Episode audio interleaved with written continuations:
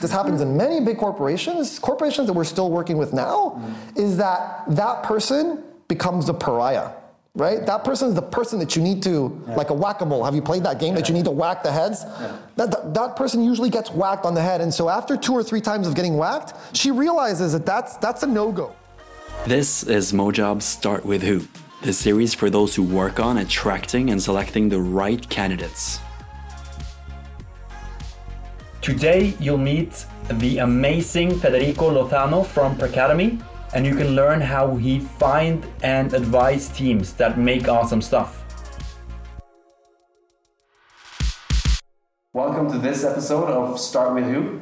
Um, today, we have the first interview ever uh, in English, so that will be exciting. And our guest is Federico Lozano from Pracademy, NTNU, NHH, many places, I guess. Uh, and I'm so stoked to have you here. wow, uh, I've learned so much from you. Uh, you're probably the person in the world that I learned the most from, whom wow. I'm actually met. wow, so, that's huge. Yeah, thank you. So um, I'm so happy to have you here. So excited. Um, would you just give the audience a quick introduction of who you are yourself? I'm not sure going to take that one from you. Sure thing. So I am Fede Lozano. Fede is way easier than Federico. Um, as Tobias mentioned, I wear a lot of different hats. I teach at NTNU, I teach at NHH, um, and I also run my own business, Pracademy. Um, we're an international training organization that helps companies of all shapes and sizes and colors and flavors to basically innovate and lead. So that's my bread and butter to help people and organizations change stuff. Nice, mm-hmm. nice. That's a good summary. But I'm really curious to hear, like, where, where are you from? Where yep. do you? Where did your story start? Yep, I'm a bit of a mutt. I'm a pretty big mix culturally. So I was born in Mexico City in 1979, so 40 years ago. Mm. Um, and I didn't spend too much time there before my parents decided to move to the U.S. My father is this crazy entrepreneur guy who kind of was like this constant nomad jumping back and forth. And so one of our first moves was to San Diego, California. And that's where I grew up. I grew up in sunny San Diego, America's finest city. It's a beautiful place. Mm. Um, and yeah, I, I, kind of adopted a lot of American values and attitudes. There was a point though where my parents were like, maybe the US doesn't feel that good after all. Okay. And we moved to Europe for a while, to Spain. My, my mother's family is Spanish. They're um, my grandparents are Spanish Civil War refugees. So we spent some time in Spain, and then we literally, just to make the story short, we bounced back and forth between Spain, the US, and Mexico around six or seven times right. before I actually graduated high school.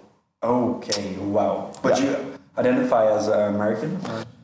That's a really difficult question to answer. Okay. Um, I've been asked it many, many times before. I really do feel like I am a blend of a lot of different cultures, right? So Latin American, most definitely, because that's essentially kind of my my family roots. Right. Um, but then when it comes to like ancestors, they're definitely European and Spanish, right? And then spending a lot of time growing up as a young kid, it's definitely American, and so that's where I picked up this like thick accent right. and a lot of my attitude. Um, but then there's also the huge influence I've been receiving in the last six years in Norway, which has had a tremendous impact on the way that I see myself. Right. So at the end of the day, it's a weird mix. Sweet.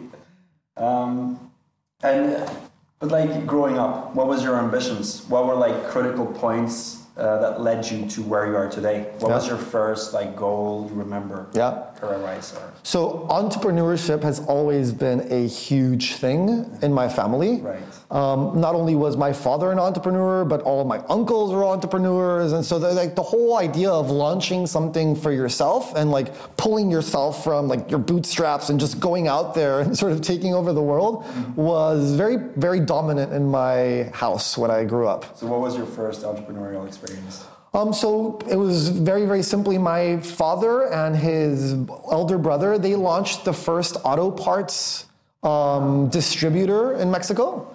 And they were really, really lucky that it was like in the early 70s when like dragsters were catching on in Mexico. You know, those like races of like um, from like the 50s and the 60s in the States. It t- sort of took on a life of its own in the 70s in Mexico. And so my parents were in the right place at the right time. They started to have a lot of success. And so I started working with my dad in his auto parts business at a very, very young age. I think I was like six or seven when he started to take me to his office and I got into like sales and marketing and into all the technical details of the tires and the wheels. And, and I fell in love with it. I was absolutely thrilled. Just imagine a six year old kid in like a car environment. Yeah. It's like perfect. Yeah. Um, so that was like my exposure to entrepreneurship Yeah. Things ended up changing a lot for me in the way that I saw that particular experience.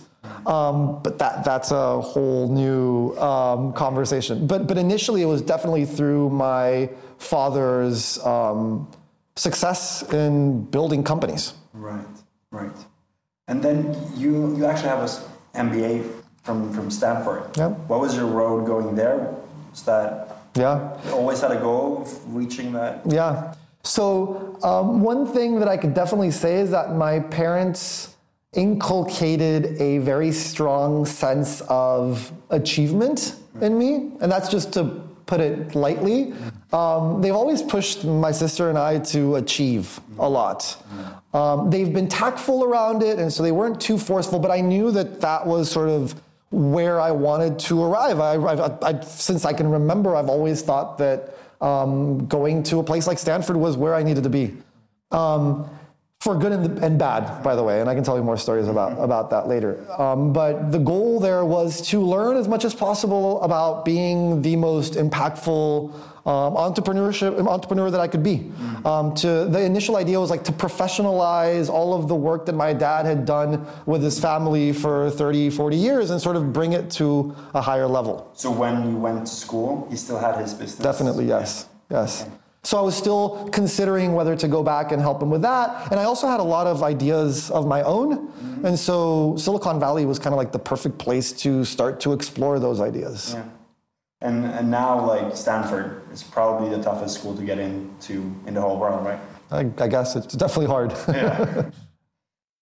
I also remember you told me a story once from the Stanford time Yep. where you actually took a year off. yep. I think that's a very, very good story that represents a lot of what you do today. So it wasn't necessarily a year, it was like two and a half months, but it, it really marked my experience there. I, I went from the first year of my MBA, um, kind of like really, without the kind of, like really struggling Okay. with the actual content that was being delivered in class. It was highly quantitative. And I'd always kind of been comfortable enough to be kind of considered like one of the smartest kids in class until I arrived there. And it was like absolute and utter shock. The great thing is that very soon I realized that everyone else was going through the same kind of shock, right? Whether you were an astronaut or a physicist or yeah, or a social scientist from my perspective, we were all struggling in that first year. Um, but that break between the first and the second year made a huge difference in the way that I experienced my MBA. Um, I had a chance to travel to India to help launch what has now become probably the most successful social enterprise in the world, D-Light Design. They're a solar lighting distribution company. Um, and when I started there, I was literally their second employee. And now they have tens of thousands of employees in, I don't know, like 50, 60, 70 different countries around the world. Um, so it was an absolutely incredible experience to kind of apply all of the stuff that I initially learned during that first year and kind of see much more of the relevance of it in a really, really exciting context that is India. I mean, it doesn't get more exciting of a country than there, right? And so um, it was really mind opening. And one of the most important things about my experience in India was that that was the first time that I got exposed to design thinking, which I'm hoping that we're going to talk a little bit about in the future, but that's the methodology that I teach now. Right. And that was something you learned from uh, from Stanford, the stuff you practiced there. Yeah. Yeah. Um, it was interesting because during that first year, it was so heavy on the business stuff Right. that I didn't get a chance to really explore all of the other wonderful opportunities that Stanford had to offer. Um, it wasn't until I came back from India with that sort of design bug in my system that I really kind of started to reach out into a lot of different areas and I became much more explorative in the way that I approached my education. Um, and so that second year, at Stanford was just, it was so incredibly eye opening and revealing and engaging and exciting because I finally had found um, that sort of place to channel all of my energies. I wasn't channeling my energies through finance and strategy, that's for sure, and definitely not accounting. And I took like three accounting classes. I almost failed all of them, right? But finally, I found um, this design thinking space that is heavily, heavily led through social um, interaction. And I've always been a really social person, as you can tell, right? And so I managed to finally find something that would help me continue to build successful businesses and be a good entrepreneur yeah. while at the same time focusing on what really mattered to me, which was kind of like empathic connections right. with other humans. So when when you started that company that summer, I suppose, mm-hmm. uh, you didn't only like go to India, you actually like lived yeah. with yeah. people. Like, so just important. I, I didn't launch the company. I was essentially just hired into yeah, yeah. a company that was launched by these two incredible, absolutely masterful entrepreneurs. Um, but yeah, I think one of the most eye-opening experiences is that we actually realized that the only way to build a product or a service, because we were doing both product and service, that has meaning in somebody's life, mm. is to actually participate in that person's life. Yeah. Kind of makes sense, right? Yeah. The thing is that we, we, we forget about that in business. We focus way too much on the tools and on the frameworks and on the theories and the bottom line and all these spreadsheets and all this shit. Mm. And that gets in the way of us actually just sitting down and having conversations with the people mm. whom we are serving, mm. right? And so that was absolutely eye opening that going to people's homes and seeing how they interacted with lighting solutions or the lack thereof, because we were going to like really poor places in India, northern India, um, was what, what what made the difference. And that's that's why D-Light Design is what it is now. It was because since the very, very start, Sam Goldman, the founder and CEO, was obsessed about humans yeah. and not necessarily obsessed about the gadgets that humans used. Yeah, right. So would you actually then you moved in with an Indian family, observed how they interacted with light? What was one of the key insights you learned that you wouldn't have learned otherwise? Yeah.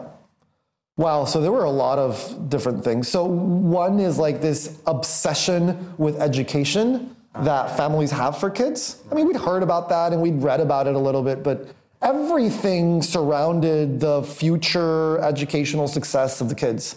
And in a lot of the households we were visiting, there were there were lots of kids, like five, six, maybe seven or eight sometimes. And so um, one of the biggest takeaways was that these kids, they were the ones using the kerosene lamps mm. that were so dirty and they were actually they were creating really high rates of lung cancer because these kids they were huddling around these nasty kerosene lamps with all this like thick black smoke coming out of it right? Simply to be able to study until like late hours into the night because that was what they needed to do. And so we realized that that was a significant need. We, we needed to remove those damn kerosene lamps from the face of the earth right? That was that was that was our guiding mission, at least in, in those days. Mm-hmm. Um, but that's something that we would have never, ever realized if we were doing research right. at Stanford, right? Talking to electricity experts or visiting Tesla. Or mm-hmm. It's not something that you find out until you actually get there. You realize why you're doing mm-hmm. what you're doing. Mm-hmm. Totally, totally. Um, but now back to the back to the day.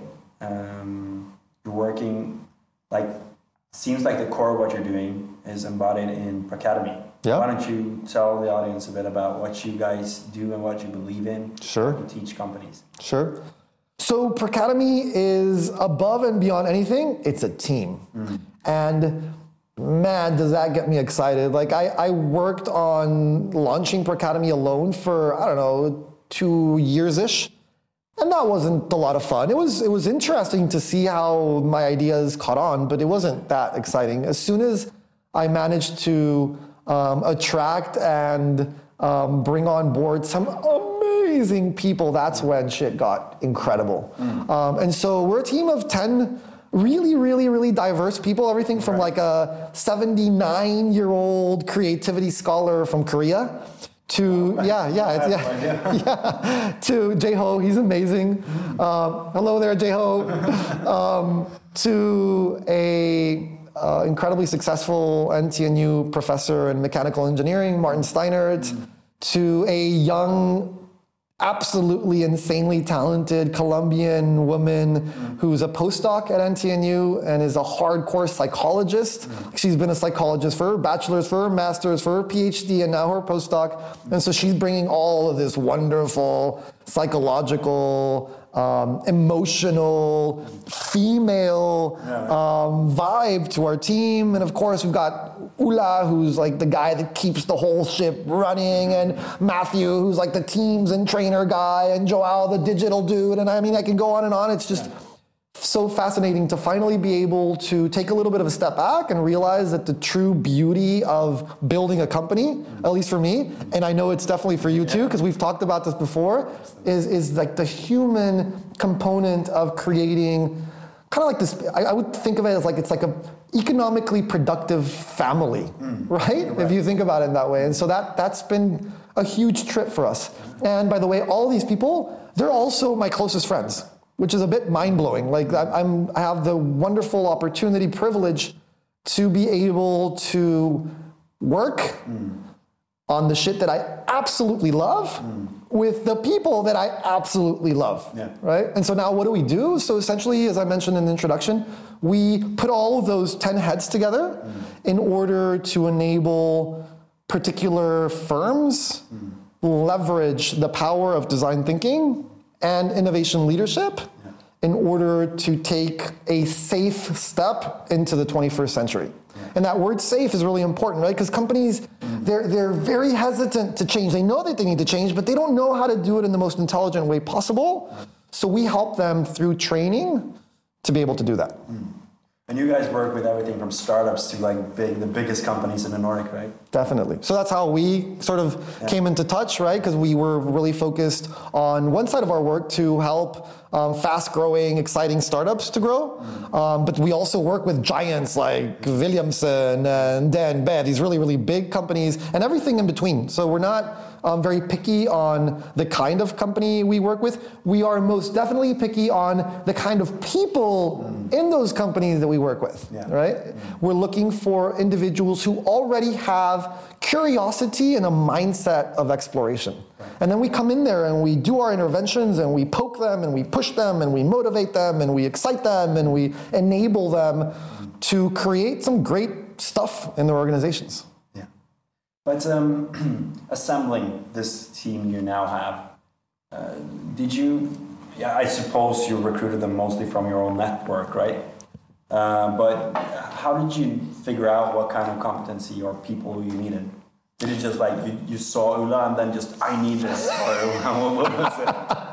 yeah, kind of. So I'm incredibly lucky in that our entire recruitment process mm-hmm. is so organic. Mm-hmm. Why? Because I teach a lot of really talented people, right? I get access to NHH, NTNU, not only that, but also other or, like leading organizations where they're just bubbling in talent, right? And so I come in, I do my workshop, and I'm, i have a really good eye for talent, and so suddenly they just kind of emerge, right? And I'm like, hmm, look at that person, right? They've got the skills, they've got the mindset, they've got the motivation. They're also kind, good, compassionate, caring people.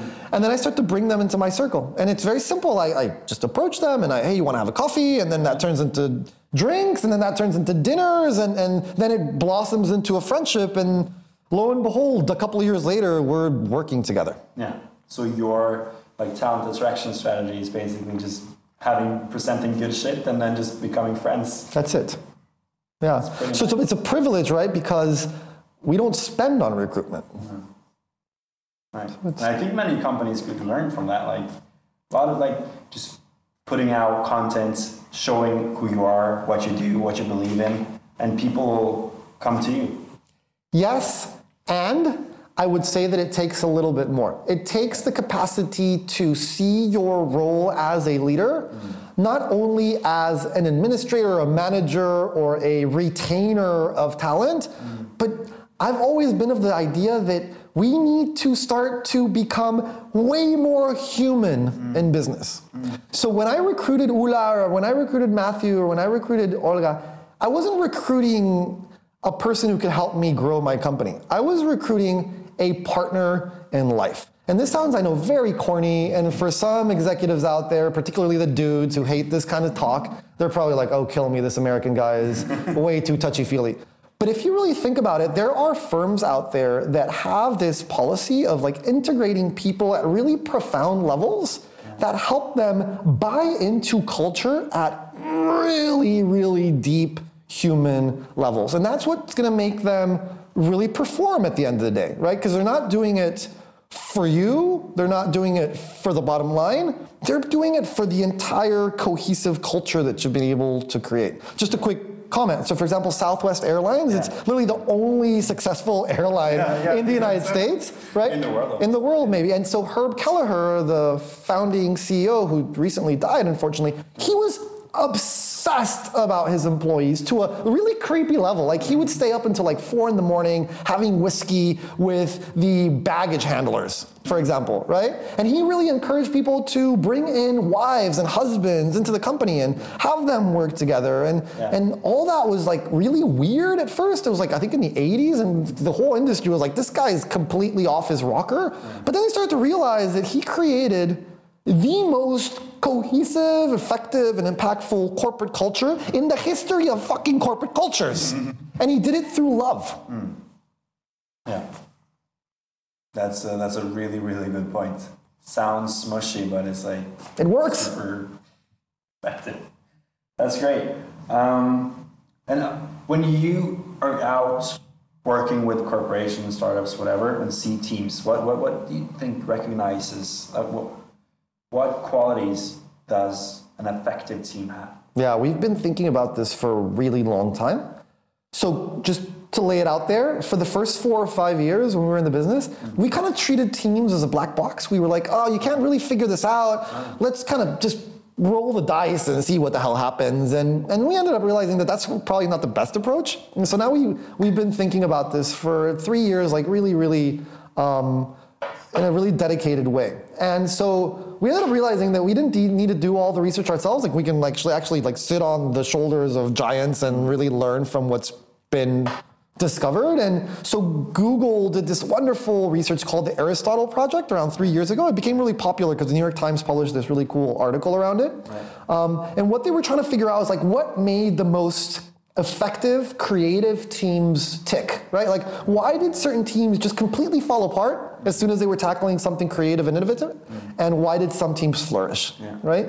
And so, typical Google style, they threw millions of dollars at it and put together all these brilliant minds, and they did quantitative and qualitative research, and they crunched the numbers, and they did all this awesome stuff. And the conclusion, it was really simple. It was the teams that managed to establish a sense of open vulnerability, right? In, in like academic speak, we call that psychological safety, Right. where people felt that they had the ability and the safety to express themselves very, very deeply at, per, at very personal levels. Everything from like, I don't like that button on an app mm. to like, I have terminal cancer. What are we going to do about this? Mm. Right? And those examples, by the way, they come straight from this New York Times article on the Aristotle Project. So that was one thing they realized. And then there was a second thing that was just as important as that vulnerability and openness, mm. which was reciprocity. Right? This concept that when people do open up, they're gonna sooner or later expect and want others in the team to open up as well. Mm. Right? So Google, I think, called it like equal amount of time of speaking or something. They had like their own Google Speak. But at the end of the day, it was about like sharing shit, right? So this conversation would probably be a little weird if I just kept on going and going and going and going and going. So sooner or later you're gonna jump in, you're gonna be like, okay, hold on, I'm gonna ask more questions or I'm gonna comment something, right? So generally in in human relations, we establish trust and long-lasting bonds of friendship and love through those two things: openness and sharing reciprocity. Right. Right. And so that's that's what we're constantly looking for in the teams that we advise as trainers and consultants. But also we're constantly looking to stimulate that amongst ourselves as the Pracademy team. Take your own medicine. Yeah, we try our best. Um, so when you're out talking to Norwegian big corporations or startups, whatever, what is the the most common situation you see that they're in? Are they good in this department, or is the Yeah. span big? Or, Yeah, of course it varies a lot because we work with very diverse kin- kinds of companies. yeah. There is something that kind of stands out a lot. And, and I've, al- I've always hesitated a little bit to get into this thorny subject, but I'm, I'm going to just jump right in there because I feel really comfortable with you. Um, we're really close friends, by the way. I don't know if you realize it, but I'm just going to lay that out there. Um, Jantelov. Yeah, them. This damn Jante Jante, right? Like, I, I know that you guys believe in it strongly. And by the way, one of the reasons why I live in Norway is because of Jante. Jante creates wonderfully functional societies, mm. right? So I'm not trying to transplant Silicon Valley values onto Norway because that would be fucked up. Mm. Silicon Valley values are not sane, right? Having said that, when you take Jante love to the extreme mm.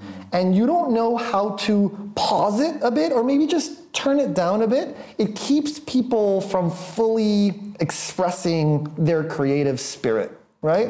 This whole idea of like you're equal, you shouldn't be too wordy, and you know, like we're all in this together, we're all the same. That that's kind of antithetical to change, right? To change shit, you need to sooner or later stick your head out and be like, no, people, that's not that's not cool. Like that makes no sense. I know that that's what we've been doing for the past 40 years, but how about we try something new, right? So it takes guts. It takes a little bit of standing out. And something that we've realized after a while of working in this beautiful country is that when we do manage to help managers and leaders and innovators realize that we're not asking them to completely forget about their culture. All we're asking is for them to just take a little bit of a strong step towards innovation and change. Um, it makes a tremendous difference. Why? Because Norwegian companies and employees are insanely technically talented, right? The educational system and um, the infrastructure, and of course, the wealth that exists in this country, and just your general open mind is incredibly conducive to success. If and only if we're willing to bring down that very, very strong influence of social norms that exists in Norway, Yeah. right? And a lot of those social norms are indeed tied to Jante. Yeah, totally. So what, what do you do? What specific exercises or ways do you, you help companies or teams overcome these challenges? Yeah. So we are enormous fans of this concept that I mentioned before, psychological safety. There's been a lot of really cool recent stuff written about this. There's this wonderful book by Amy Edmondson called The Fearless Organization. It's mind-blowing. And it's all based on how to institutionalize environments where sticking your head out mm. is safe. It's not only safe, it's encouraged. Right? And you create this forum of like minded, empathic people that really are open to people suggesting crazy shit. Doesn't mean that you have to do it. You're just gonna listen to it, right? Embrace it. There's another wonderful book that I know that you and I love and share is Creativity Inc. Right? The story of the foundation of Pixar. Holy shit, what a book. Mm-hmm. Right? And the whole, literally the whole premise of Ed Catmull, the CEO and author of the book, is that uh, that Pixar grew thanks to very specific rules that they created when they were doing ideation sessions, when they were brainstorming all these amazing movies that they create. They have really strict rules that essentially promote really strong opinions and promote really wacky shit, right? The weirdest of ideas. And then little by little, they craft them through great leadership, great innovation leadership, which is what Academy does. They craft those crazy, wacky ideas into a cohesive narrative in all the stories that they tell in their movies. Right. And so, so that that's I think that's where companies can benefit significantly from training, from structure, from understanding, and all that. Norwegians are very good at those rules. It's just that you, you need to find the right rules to institutionalize in an organization if they want to innovate. Yeah. To give you an example of like what those rules particularly look at look like, there's this wonderful rule called like the the no asshole rule but the loud person rule. So you don't want an asshole, like uh, definitely not promoting assholes, but you want that really loud person who's constantly being the devil's advocate, right? The annoying person. Why are we doing this and why are we doing that? Why why shouldn't we do this? Well, how about we do that, right? Kind of the fixer, the person who's always trying to explore new stuff. You need to help her flourish. What happens usually in big corporations, definitely not going to name names, this happens in many big corporations, corporations that we're still working with now, is that that person becomes the pariah, right? That person is the person that you need to, like a whack a mole. Have you played that game that you need to whack the heads? That, that, that person usually gets whacked on the head. And so after two or three times of getting whacked, she realizes that that's, that's a no go. Yeah. If she wants to stay in that organization and climb the ladder, she needs to fall in line. And that will keep the organization at status quo. And sooner or later, another organization where they promote those kinds of ideas instead of whack a mole, they're just going to hop them, beat them to it, and kill them. And there's hundreds of stories about that recently. Yeah, absolutely. So, um, one thing I know that's really close to your heart is uh, meditation and Yeah. mindfulness, Yeah? and that's something you teach a lot in your in your workshops as well. Yeah. And how do how do you see that tie into like high performing teams and, and, and the business world? Yeah. What was your journey where you are today? Yeah, so this is this is by far like the closest to my heart topic that you could ever have brought up. Mm-hmm. Surprised that you actually brought it up. um, mindfulness has completely changed my life. Mm-hmm. So laying it out there, I'm very biased, right? Mm-hmm. I'm not very scientific personally because I, I feel every single day how this very simple practice has enabled me to live sanely. And so, to be a little bit more specific, I've been struggling with really, really, really high levels of anxiety. So, it's called generalized anxiety disorder. Since I was very, very young, I was like seven or eight when I experienced really, really high levels of anxiety. And I've been trying to manage that ever since. Um, I've gone to a lot of therapy and they've suggested a lot of medication on me. And I've concluded that literally the only thing that has had a true, lasting, manageable, predictable impact on my life has been mindfulness. I'm not saying that it's a cure all and it's a panacea and that everybody should do it. No. But for me, particularly, under my specific circumstances, it's been a complete and utter game changer. So now to your initial question of like how does it help organizations grow and high performing teams? There's a whole host of benefits that individuals can gain from practicing a little bit of mindfulness. And I say a little because it definitely should just be a little. Like 5 minutes a day is enough, right? People shouldn't think that they need to move to Tibet and push themselves into a cave for 5 years. And I think this is especially relevant for high performing teams Yes. because you usually think like people that are anxious. They Yes. usually they think about the future, and high performers they think about the future. The Depressed people maybe think about the past. So you try to bring them to the now. Is that Yes, that's part of it, right? One of like the the approaches to certain practices in mindfulness is to be very present, to be very aware of where you're at now. So I'll give you an example. During this conversation, I've redirected my attention to my feet 17 times. Right? Why? Because it helps me ground myself, right? It helps me be as present as possible to be listening to all of your questions as awarely, if that's ever a word, as possible, right? Mm-hmm. It all, all it takes is a couple of seconds, right? We call these micro mindfulness practices to ground yourself, right? That's just one example. I think where mindfulness can have a tremendous impact on teams, per- particularly highly stressed, high performing, high delivering teams mm-hmm.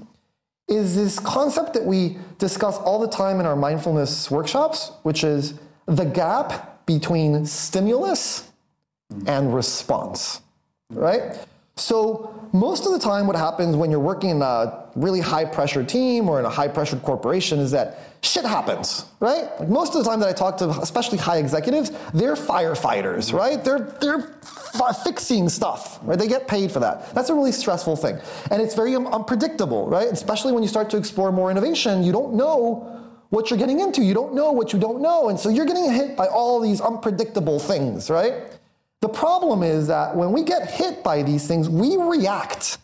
We don't respond, we don't pause, we don't acknowledge, we simply react. And sometimes we react with like a violent um, comment to our uh, colleague, or sometimes we react with a lot of concern, and so we go inwards, right? And so we have people like doubt why is he quiet now, especially if you're a leader, right? They're constantly looking at your reactions to difficult situations, right?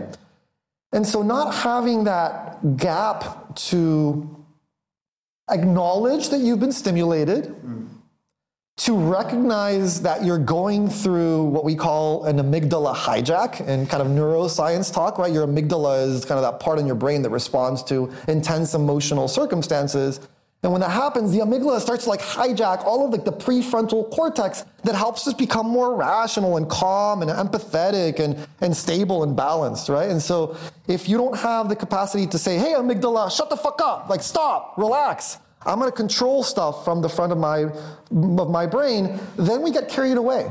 Right? And that's when bad leadership happens. Bad choices are made, right? right? Teams fall apart. People take stuff personally, right. right?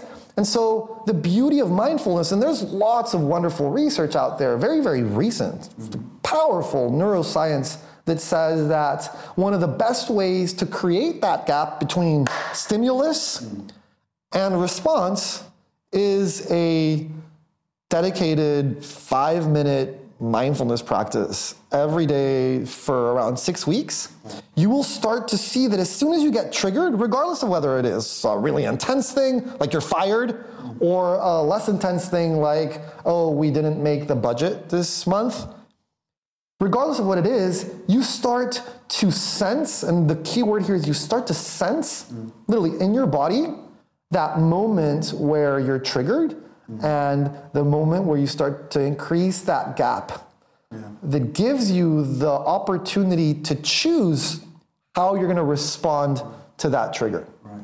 In my opinion, especially in the last two years that we've been communicating a lot of mindfulness to a lot of high performing corporations and teams, that's, that's what makes a tremendous difference. Mm. Right? Yeah. Just think about the types of choices that you can make when you're cool, mm. When you're settled, mm. when you're balanced, versus the kind of choices you make when you are highly emotionally triggered. Mm. Totally. And what do you think it does to like the relationships within the team? Do you think it has an impact on that too? So again, I'm, I'm going to talk at a personal level. I don't really know exactly the research around that particular question, so I, I want to be careful because at the end of the day, I'm, I am kind of an academic as well. um, but I, I've experienced it, so I experienced it very, very recently. It's a kind of a very personal story. Um, Olga, this wonderful psychologist, she was relatively new to the team and she was trying to get used to how spontaneous we are at Pracademy because we're very spontaneous. We know each other so well that we kind of just kind of read into our body language and we know what's going to happen. And Ula is kind of like a mind reader. He's always like figuring shit out about what I'm going to do like two or three seconds before I do it. But then suddenly Olga arrives and, and we're expecting the same from her, which was a big mistake from my part. That was like a, a bad leadership call. Mm-hmm. Should have explained and communicated much more. Yeah. But she, she was shocked. She was like, what, what the hell is going on here, right? You're taking way too many assumptions and I want to be clued in here. And, and we were in the middle of a really, really important workshop, the most important workshop that we have ever held mm-hmm. with our most amazing client, Wilhelmsen, the biggest shipping company in the world. And I remember just like thinking, okay, I've got this wonderful teammate, but she's not understanding how we work. Mm-hmm. And we have 30 people literally looking at us while this is happening, right? All these really talented students. And, and I'm just thinking, oh my God. And, and that was the moment where I said, stop, mm. right? Feel your stomach, because I feel most of my emotions in my stomach. Mm. Feel your stomach. And it, it, literally took a couple of seconds to be like, okay, you're getting triggered, right? Mm. Respect your teammate. Understand that she's in a really, really difficult situation that, by the way, you put her in, right? And so all of this started to make sense. It wasn't like I was like a Superman and saved the situation because there was still turmoil and um, uh, rigidity, but it was way less than what it would have been if I didn't have that capacity to notice that I was being triggered. Right. A good story. um, you, we, we've spoken, we're talking a bit about both meditation and uh, vulnerability and uh, reciprocity. Mm-hmm. Um, how, how do you guys do that in Pracademy? Yeah. Your team. Yeah. Because I've heard about your internal workshop, they can get pretty like intense on Yeah. an emotional level. Is that right? They are, yeah. Um, so if, if I understood you correctly, the question is how do we introduce those concepts into our workshops or how do we embrace them ourselves as Yeah. a Academy team? Pracademy team, yeah. Okay, so that, that's a really simple um, question to answer. We try to spend as much personal time together as possible. Yeah, like you that's, said, good friends. that's exactly right. Are, are the rest of the team friends too? Or you, Oh, yeah. Or are you just No, no, no, no, no. So, so this is a beautiful thing that um, although I'd love to spend much more time with them, particularly because we're spread around the entire country. So we've got people in Oslo and we've got people in Trondheim, we've got people in Bergen and Korea. We also have people in Stanford. Some of my closest friends from Stanford are living in, now they're moved to, to Seattle.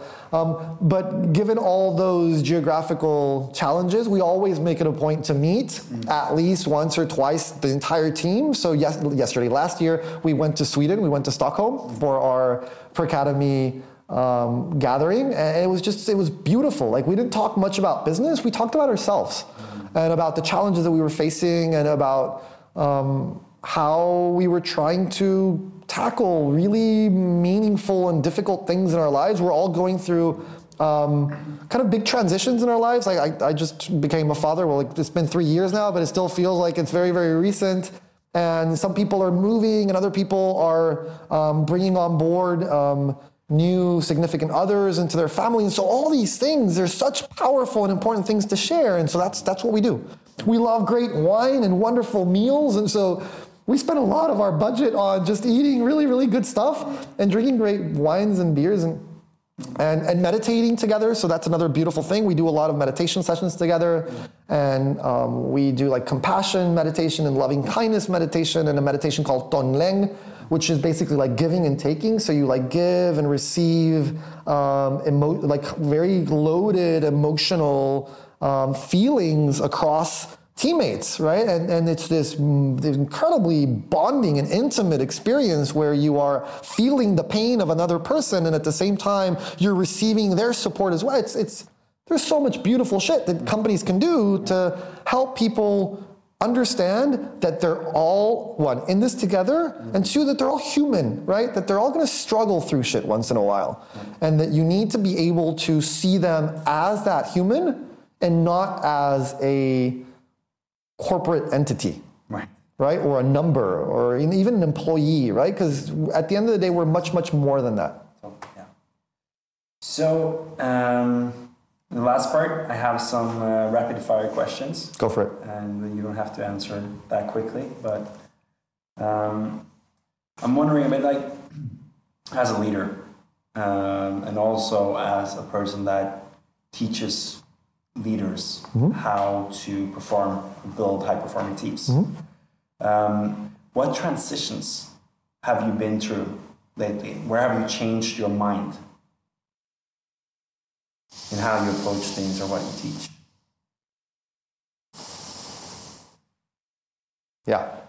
So this is another personal one. Um, as you can see, I'm, I'm, I've always been like good at communicating. Like I, I, I talk a lot, and I, I like it, and I like to be heard, and I have a really big ego, uh, and and that initially helped to initially grow the business to get the word out there, and I was like the the loud American Stanford guy doing creative shit, no, uh, hallelujah. Then I ended up realizing that, that that's that's not where the core value proposition is for my clients. Yeah, getting them excited and, and getting them pumped up and hyped is, is important. But I started to realize that the older I got, and I've been getting old quite quickly recently, um, I started to realize that like practicing what you preach is incredibly important, right? So instead of simply performing, performing, yes, that's important to communicate it, but also truly embrace the stuff that you preach.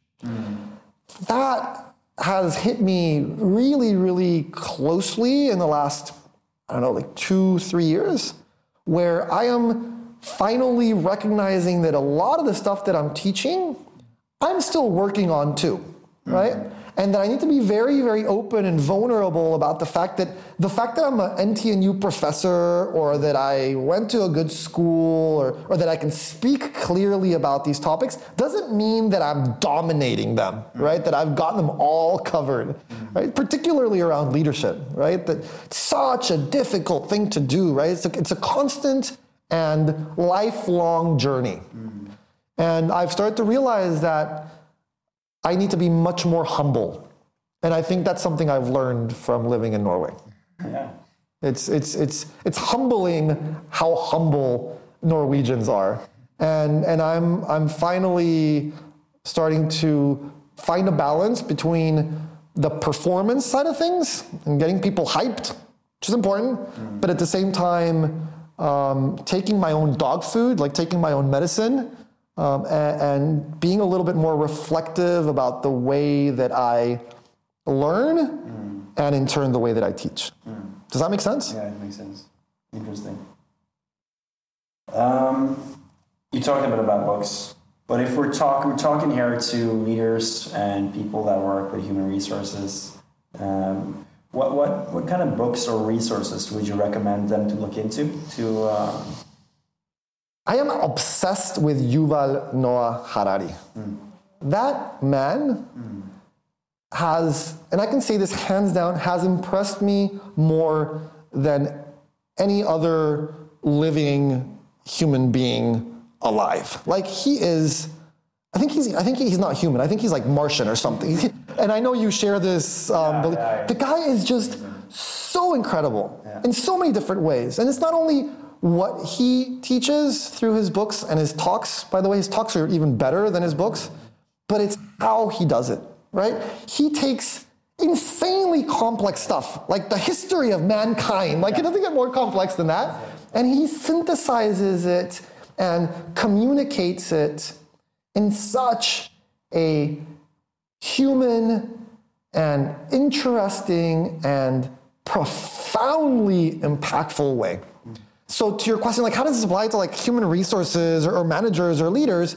It's, it's about taking complexity, whatever that complexity is, whether it's science or human nature or payroll, and bringing it, because that can be complex. I'm not dissing payroll, is to take all that complexity and in a very, again, human way, synthesize it and, and, and serve it to the world. right.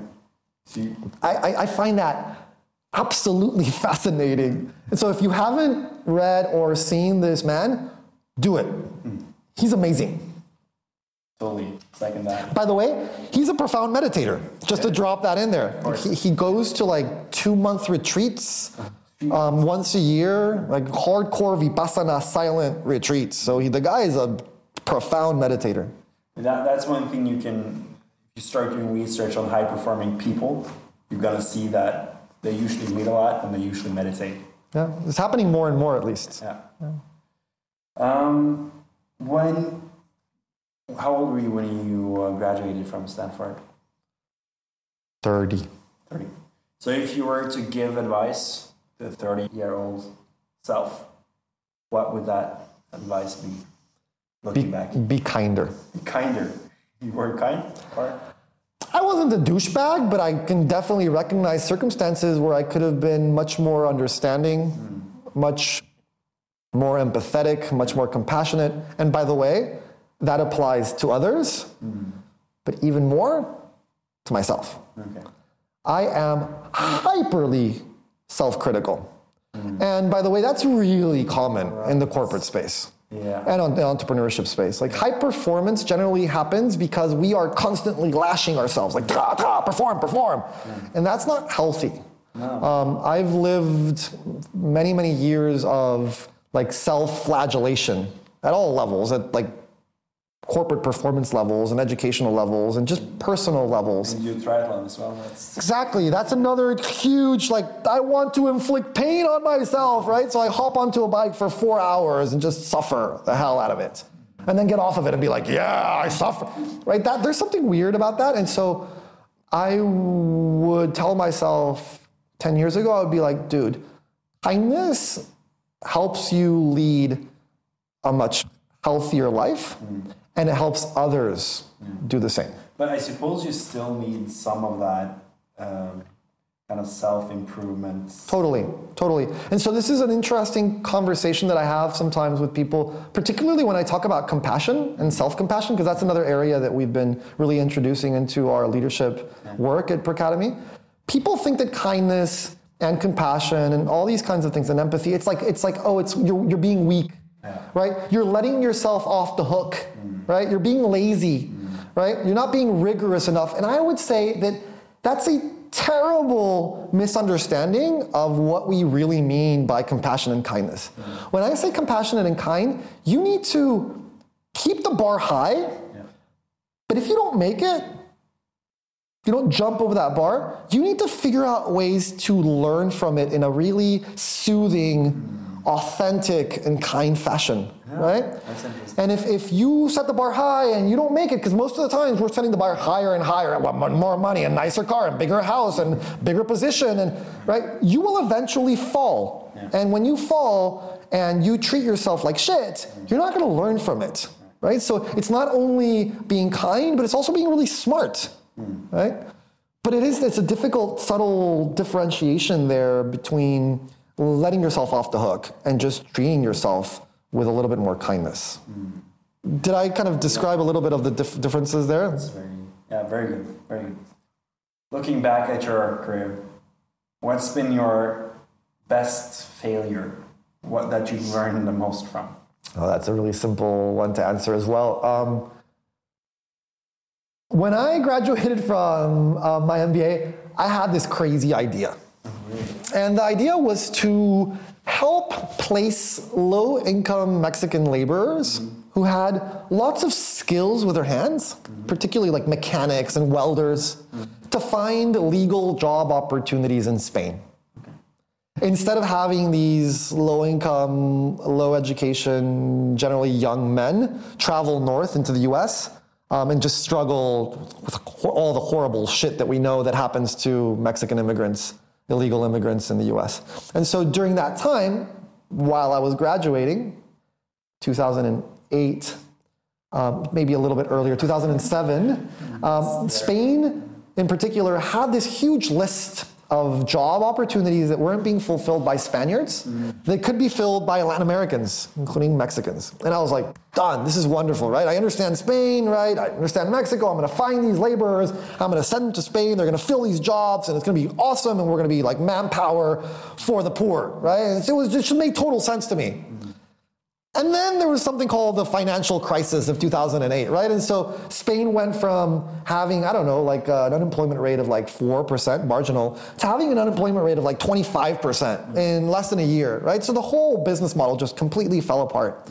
Um, I had no plan B, right? And I, I was also a bit um, overly aggressive, overly ambitious, a bit arrogant, that everything will fall into place. I've got this covered, right? And I was starting to see things change and I was ignoring them and I was pushing them under the rug and I got a really good chunk of money from my alma mater to push this forward. And so there was all these responsibilities that I had set up for myself mm. and I, I wasn't I wasn't honest enough with myself that the business model was eventually going to fall apart. And it fell apart. Um, and then, fortunately enough, um, I was working with a really, really, really talented partner, um, Conchita Galdon, who had just during the same time had uh, received her uh, master's from Harvard. She was interested in exactly the same concept. And she moved to Madrid and she essentially saved the model. So instead of bringing workers from Mexico into Spain, Conchita started to work with um, immigrants that were already living in Spain. And she helped them become entrepreneurs. And now the company's still going strong. Oh, nice. But that was definitely a big failure, and it was a failure I could have prevented if I would have been a little bit more self aware. Yeah. Cool. Lastly, is there anything you'd like to share with the audience? Is there like, I, I know for myself that we've had tremendous um, learning from your workshops. How can people get in touch with you, and what do you guys usually do for, for companies and teams and such? Yeah. So the first and easiest place to go is pracademy.co. Um, maybe we can add some kind of link there, or it's it's it's simple. um, that's kind of the first place. But what, what I would definitely say is that there's kind of two different layers to what we offer. One is like just one off, quick, but very impactful workshops, generally around like sprints, like design sprints or the design thinking mindset or these kinds of workshops. They generally just last one or two days and it gives organizations a general good sense of what we do. It's not enough though, but it's a good start. Yeah. Right? And they're, they're important to get people curious. What we're trying to do now as an organization, and this is where the team comes in as well, is that we are trying our best to establish longer term relationships with organizations that are taking innovation and innovation leadership very seriously. Right? And so these relationships, they last many years. They involve many different interventions, everything from workshops to leadership development programs that last multiple modules to, to global programs where we handhold teams to help them implement a lot of the tools that we share with them to mentoring programs to coaching. So we really want to enable organizations at all kinds of levels and instances to ensure that they have the capabilities necessary to lead into the 21st century. Those are the relationships that we're really, really looking for. Mm-hmm. Nice. Peder, it's been a pleasure having you here. My pleasure, my friend. Thank you for inviting me. Yeah, my pleasure. Hei sann! Håper du lærte noe fra intervjuet der. Og om du har lyst til å lære mer om dette veldig spennende temaet, så har vi laga en e-bok som heter 'Rekruttering i 2019'. Eh, Og du kan laste ned den e-boka helt gratis nå ved å trykke på linken i innlegget her. Lykke til.